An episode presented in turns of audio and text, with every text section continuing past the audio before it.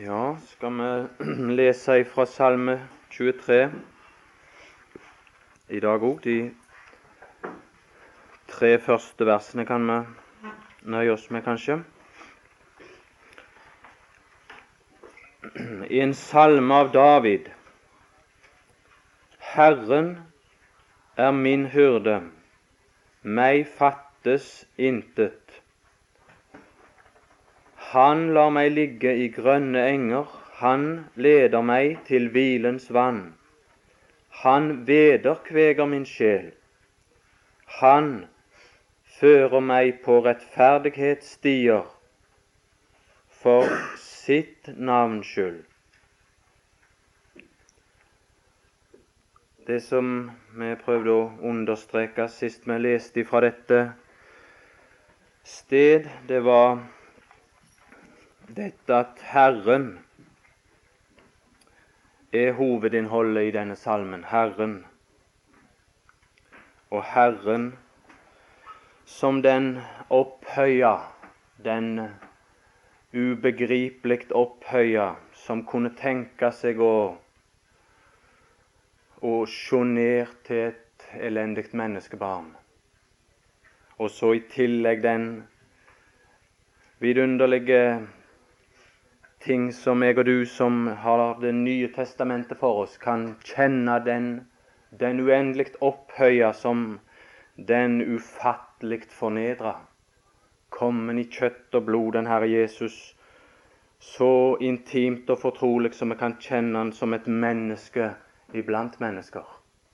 Og så er det Han, denne personen, Han som troner over kirubene og som eh, troner i kraft av en fullført forløsning. Og så kom han til oss, den enkelte, nå som den oppstandende. I kraft av en evig pakts blod, så er han nå oppstanden. Og så var det dette som var det store spørsmålet her i begynnelsen av salmen. Det var dette om han er min, om han er din for dette alt tvers gjennom salmen så er det helt personlig, individuelt. Det er ikke om én hyrde, men det er Herren som min hyrde. Og jeg er så glad for å tenke på dette, at Han er dette for meg. For en hyrde Hvis vi leser gjennom Bibelen, så er det det innbefatter i seg de mest edle trekk som vi kan tenke oss. En som frivillig oppofre seg fullstendig for andre.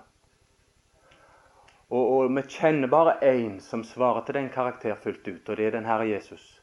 Som oppofra seg til det ytterste for å føde, for å nære, for å samle, for å lede de som han har tatt seg av. Og en sånn er jeg. Men med en gang jeg sier dette om den Herre Jesus, at han er min hyrde, og kan skue sånne skjønne trekk i hans person, og overfor meg at han er min, at han har oppofra seg for min del på denne måten, på denne egenarta måte, så er det sagt med det samme at jeg er et får. Og hva er det så det Jeg skal ikke lese mange steder for det, men jeg vil bare understreke det, foruten at enhver av oss erkjenner det, og erkjenner som et slikt, så, så vil ikke Herrens storhet i, i denne karakter bli så overveldende for oss. Men i Esaias 53 og det sjette vers så finner vi Bibelens beskrivelse av det særmerka ved et får. Og det er dette der i det sjette vers Vi for alle vil som får. Og dette her, det, det er en sånn en nøyaktig beskrivelse. Det representerer nøyaktig hvordan et får er. Det er ikke en overfladisk jakttagelse her, men det, det er nøyaktig. Det, det, det, er kjernen i det hele. For det, det er beskrivelsen av deg og meg, dette her. Vil Fårene slik at de, de tror at det er, det er godt beite, det er noe godt alle andre veier enn akkurat der de er nå, og så, og så ferer de vill i all verdens retninger. De er akkurat så befengte med en sånn en underlig nysgjerrighet etter å utforske alle andre plasser enn der de er nå. Og så, så farer de, og så farer de vill. Og når de gjør det, så, så er det sånn som det står her, vi venter oss hver til sin vei. Det er ikke det at alle mennesker bare har foret vill på en eneste vei, at det er en strøm på en vei. Men du har en smak som gjerne ikke jeg har. En annen har en annen smak. Og så er det den som driver ethvert menneske. Og så står det en plass Første Peters brev, så står det en beskrivelse av hvordan jeg og du befant oss når den Herre Jesus nådde oss med sitt budskap. Og det som der står det at eh, For dere var villfarende som får. Villfarende som får. Men da er det at den Herre Jesus møtte oss og vant oss og frelste oss nettopp når vi var sånt, når vi var fortapt. Der var det Han nådde oss. Der er det Han kan nå deg om du skulle, skulle ha valgt din egen vei. Det er ikke nødvendigvis en åpenbar syndens vei det er snakk om. Det er noen som kan velge en religiøs vei. En, en vei som passer for deres legning. Noen kan velge en annen vei. Men det, det det som er et fors elendighet, fortapthet. Det er at det er uten hyrde. Men hvor godt det er å ha funnet den Herre Jesus, å ha blitt funnet av Han det er noe som jeg bare vil lese her videre. Det står 'Herren er min hyrde'. Meg fattes intet, og så beskrives det videre. Men det var en ting som er det store for en hyrde, som er hans ære og herlighet. Og det, det er egentlig hans får.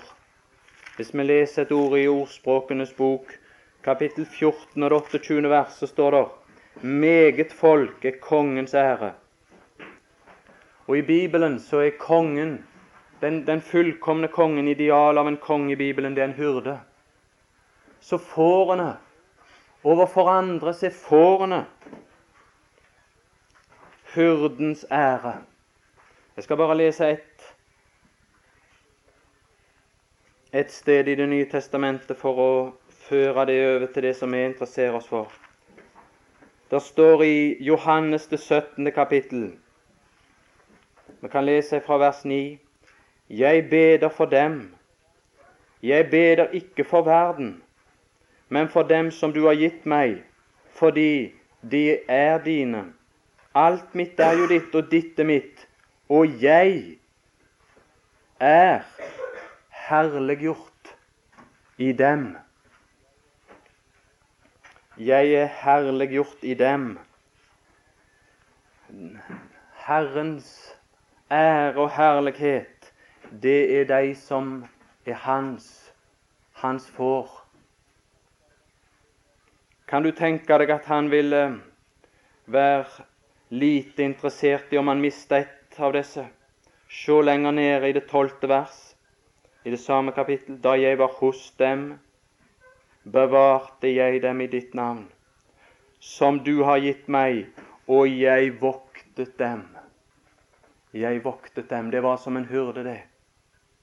Ingen av dem gikk fortapt. Å, den Herre Jesus, du som har trodd på den Herre Jesus, du kan se hen til dette at Han har en ære som Han vil framvises de for andre, og det er hans får. Og jeg er et av de. Og du kan, du kan ikke tro, når du har lært han å kjenne, at han ville være uinteressert i om han skulle miste noen av dem. Det er det hans ære består i. Jeg er herliggjort i dem. Men hyrdens ære overfor fårene, det er en litt annen side. profeten Sakarias i det ellevte kapittel står det noe som jeg har gleda meg over. Der står det om en motsetning til han som vi nå leser om. Der står i det tredje vers Profeten Sakarias 11 og det tredje vers. Hør hvor hyrdene jamrer fordi deres herlighet er ødelagt. Og det er deres herlighet overfor fårene, det som gjør hyrden så tiltrekkende, gir han en herlighet overfor fårene. Og hva var denne herlighet? Jo, det står herlige beitemark. Og her, her er det en, en sånn vedklag og klagesang, fordi disse hyrder som her beskrives, deres herlighet var tapt. Og så var det bare jammer. Men når du leser Salme 23, så behøver ikke noen av oss som kan si om den Herre Jesus og til den Herre Jesus at han er min hyrde. Ingen av oss behøver skue opp til han og så jamre oss. For at det er hans herlighet overfor oss har svekkast, hans herlige beitemarker. De er ikke ødelagt. Og det er nettopp det som salmen videre fører oss innover. Disse herlige beitemarker. Og det, det, det han stiller i utsikt for enhver av oss som er hans får. Og dette skulle virke sånt når, når vi blir ledet inn på disse, at, at at vi så en herlighet i den Herre Jesus som en hyrde som kunne føre oss innover. Slike eviggrønne, herlige beitemarker. Og årsaken til at det er slik, for dette som Salme 23 beskriver, det er en ganske uvanlig ting å finne i den nære Orient, at en, en kan ha slike beitemarker som her står beskrevet. Vi vet at når sola går opp der nede i, i Syden, så, så, er det med en sånn intens styrke at selv Bibelen bruker det som et, et kraftig bilde på den dag når Gud skal gå opp i sin velde. Og, og, og, og gresset det, det, blir akkurat som alt kjøttet. Det, det visner hen. Og det blir brunsvitt alt snart. Men her er en som er i stand til å lede sine innpå og bevare de i eviggrønne beitemarker. Og det som er årsaken til at den Herre Jesus kan makte det, sjøl i en verden som vedklager den mest naturlige melodi å gripe til, det er dette at den Herre Jesus kommer til oss i Salme 23 som den oppstandne. Det er den oppstandne som er for oss her. Og den oppstandne Herre Jesus, han har brakt sine beitemarker, kunne du si, utenfor rekkevidden av død. Av forfall. Av det som kunne komme inn og, og gjøre at disse mista sin friskhet for oss. Jeg tror ikke jeg er i stand til å uttrykke i ord, men om du kunne lese det for deg sjøl i stillhet dette. Tenke på den Herre Jesus, at når han kommer til deg i, i Salme 23, så er det som den oppstandende og som den oppstandende, så er det det han fører oss inn på, det er oppstandelsens grunn. Og det er utenfor alt som kan bringe en død og, og svekke dette her på noe som helst måte. Det, det, det er evig grønt. Det er friskhet. Her er ikke forfall. Og om enhver av oss kunne se dette her, så ville den Herre Jesus få, få en herlighet som skulle resultere ikke i en vedklage, men i en lovprisning av Han. Og det er noe å gå inn på. Det, det, jeg, jeg er sikker på at de aller fleste av oss de lever egentlig før Kristi kors i vår erkjennelse. Og så leser vi gjennom evangeliene. Og så, og så kommer vi til hans død, og så er det for lite om hans oppstandelse. For sånn som vi kjenner den Herre Jesus, sånn som vi skulle kjenne han, så var det som den oppstandende. La oss bare tenke på dette her. Herren er min hyrde. Meg fattes intet. Jeg mangler ingenting, altså. Jeg mangler ingenting. Det er ingen mangler i det. Og, og, og grunnen, det, årsaken til det, det hele, det, det er Herren, det. Det er ikke meg, men det er Herren. Og da kunne vi bare spørre hva er det et får kan mangle, hva er det et får kan, kan, eh, kan ha behov av. Da vil jeg bare si tre ting her, for det, det er det det kommer fram i disse tre vers. Det ene er føde, og det andre er vann, og det tredje det er gjenopprettelse. Og Haret får det, og det er dets største behov, da kan det si 'meg fattes intet'. Og det er det Herren forsørger. Han, han lar meg ligge i grønne enger. Les bare et vers i, i Jobbs bok kapittel 6 og vers 5, så står det noe sånn. Der står det skriker vel et villesel midt i det grønne gress. Det var så, det var så stort, det, å få bli leda inn på det grønne gress. Der som, som det så lett blei torsvidd og brunsvidd, og, og som det var vanskelig å leite fram en sånn en plett når sola steikte ifra en, en himmel uten skyer. Å, er det noen som da er misfornøyd, hvis de blir ledet inn på sånne friske ting? Skriker vel et, selv et villesel midt i det grønne gresset? Nei, det, det gjør det ikke. Det er tilfreds der. Og det, det som det egentlig Den scene som egentlig beskrives der i i det andre vers, det er ikke bare hvile. Han lar meg ligge i grønne enger. Det er hvile. en tanke ligger der. Men det er ikke bare det. Det, det avtegner for oss et får som ligger og hviler, men hviler fullt ut tilfredsstilt. Fullt ut tilfredsstilt fordi det er omgitt av overflod. Fordi det ligger midt i overflod. Og det ligger med tilfredsstilte behov. Og så ligger det og hviler tilfreds.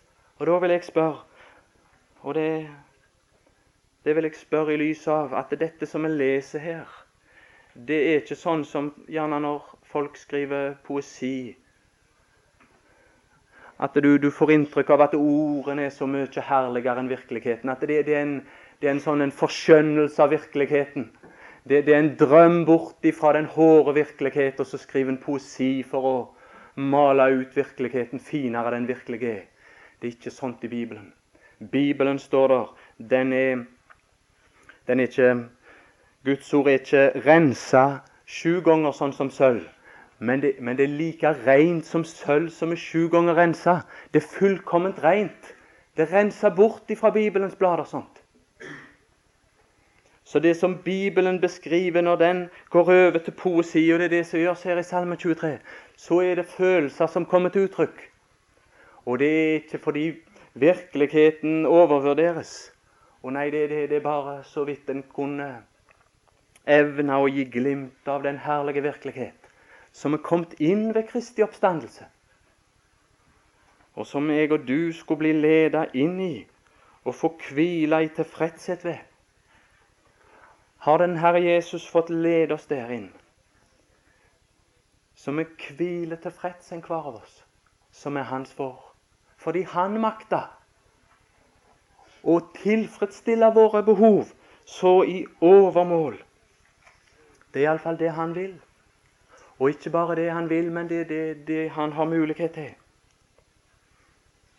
Det er noe som Han kunne, kunne ønske. En ting til vil jeg nå bare nevne, og det er det at disse får de er drøvtyggere, og det kunne iallfall være kanskje nødvendig å understreke. De ligger der, og så har de samla opp noe, og det håper jeg du har gjort. Og det skulle være særpreg for oss, det at vi har samla opp en del, også når vi ligger der. I, i, på oppstandelsens grunn, i vår ånd, og nyter det som Han fører oss inn på, så, så har vi noe som har samla opp av det grønne gress. Og så er det sånn som vi får den, at vi kan ta det opp igjen. Tygge på det. Knuse det ned. Og så tilfredsstilles ved det på en enda, enda mer god måte for oss hver og en. Nå er tida allerede gått langt mer enn jeg kanskje skulle ta, men Men jeg vil eh, jeg vil uh, si en ting til om det tredje verset, iallfall før jeg sier meg ferdig. Det står, det står i I andre Mosebok, kapittel 31, så står det noe om, om uh, hvile.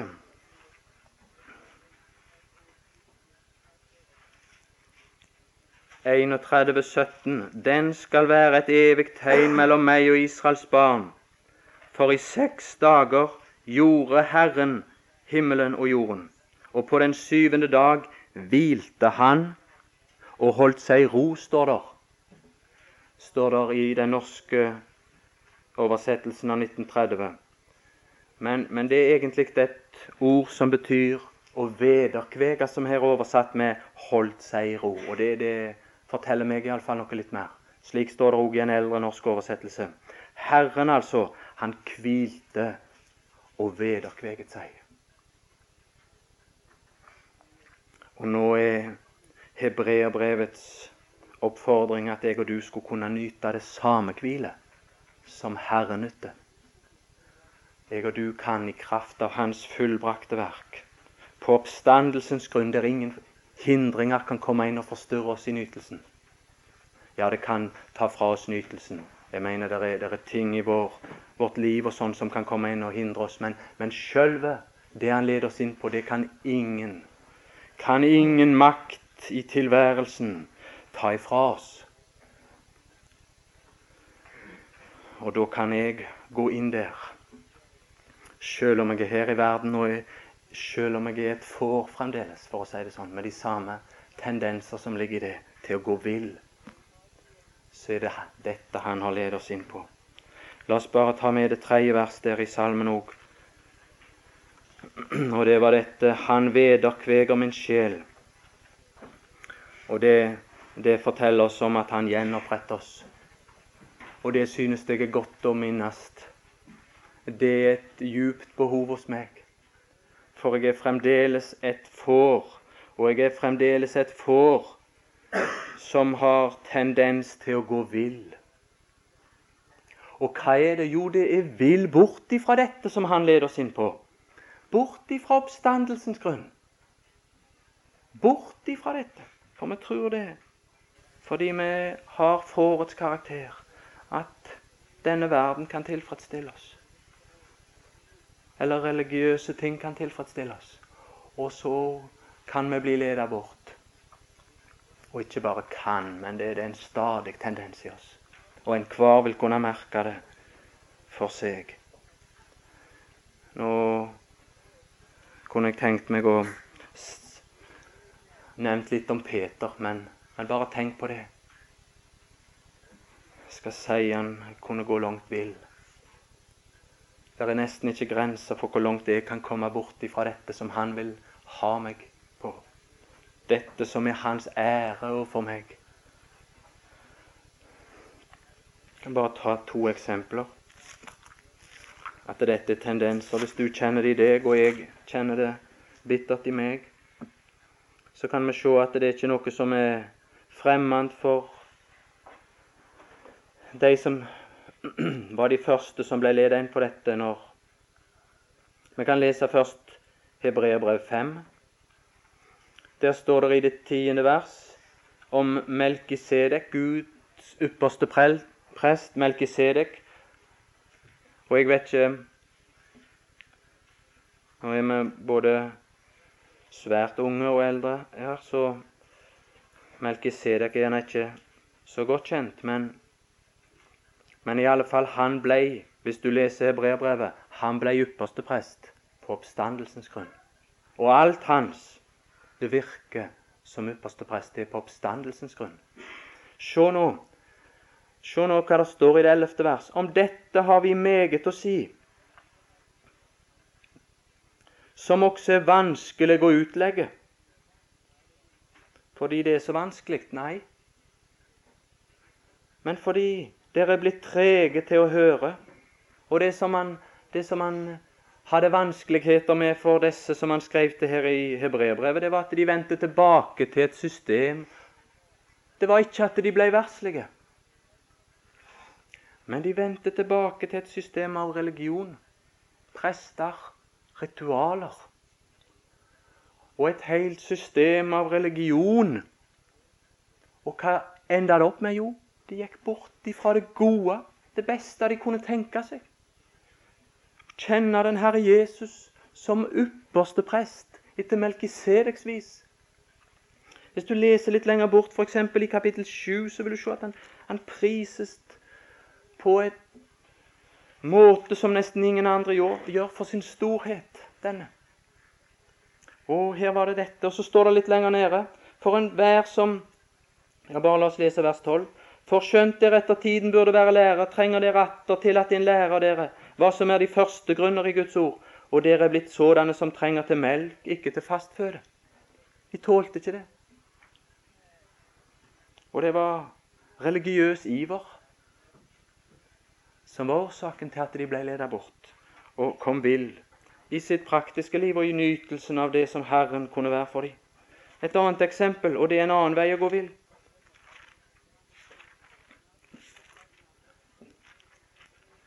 Første Korinterbrev, kapittel 3. Der står det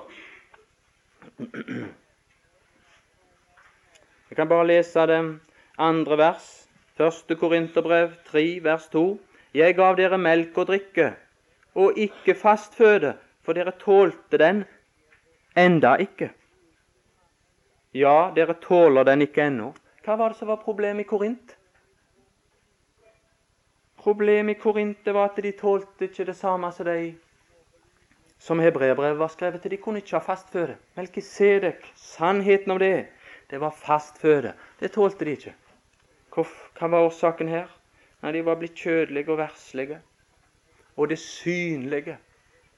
Denne verden som skal forgå, denne synlige verden, hadde fått en sånn innpass i deres sinn og liv så de var umottagelige for dette herlige. Og da vil jeg bare si sånt er det flere veier å gå, gå bort ifra. Det som den Herre Jesus ville lede oss inn på. Og da synes jeg det er så godt å ha en hyrde. Den Herre Jesus, han er slik som det står i Salme 23. Han vederkveger min sjel. Han gjenoppretter meg når jeg går vill når mine trinn går bort i det ene og det andre som frarøver meg å leve i nytelsen av dette som han ville ha oss inn på. For det han ville ha oss inn på, det er det han sjøl er på. Det området, og det er oppstandelsens grunn. Og der vil han ha oss og nyte samfunnet med oss og dele med oss sine ting. Og så går det med så lett den ene og den andre veien bort, fordi vi fremdeles har de samme tendenser i oss men så er han den samme. Og det er vår lykke, hver som er hans. Vår lykke, det er Herren. Vår lykke, det er Herren sjøl som et får.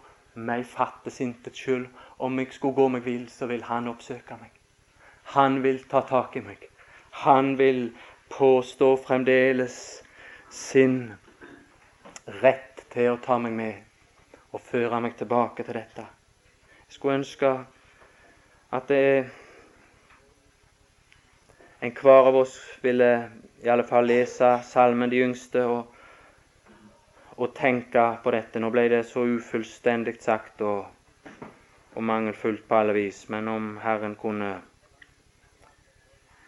lede enhver når en leser sjøl, skal vi be om det. Herre Jesus, vi makter lite å tale om deg, men det er godt å tale direkte til deg, Herre Jesus, for du forstår. Du avleser hver, hver tanke som stiger opp inn i vårt hjerte, og med hver av oss som kan vende oss til deg i vårt hjerte og si at du er min hyrde. Du er den som har oppofra deg til det ytterste for enhver av oss. Du ikke bare har gjort det, men du gjør det fremdeles, og det er det som er vår lykke. Og det er du som har rett på vårt hjerte. Det er du som har rett på all vår lovprisning. Du er den som tilkommer all ære. For at ikke vi, enhver av oss, er havna langt bort i all verdens elendighet som hører deg til. Den vi kan takke, og grunnen til at vi kan, kan være her, det er fordi du, du har tatt deg av oss. Du har ikke sluppet hånd av oss, og det, det, det har vi hug til å lovprise deg for, for det, det er så trygt når vi ser litt framover.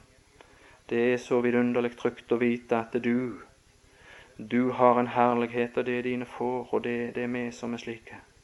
Og de vil du ta hånd om og berge og bevare og føre trygt hjem.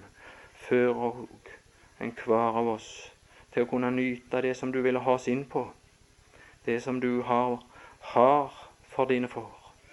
La ditt ord bli til velsignelse for hver og en av oss. I ditt eget navn ber jeg. Amen.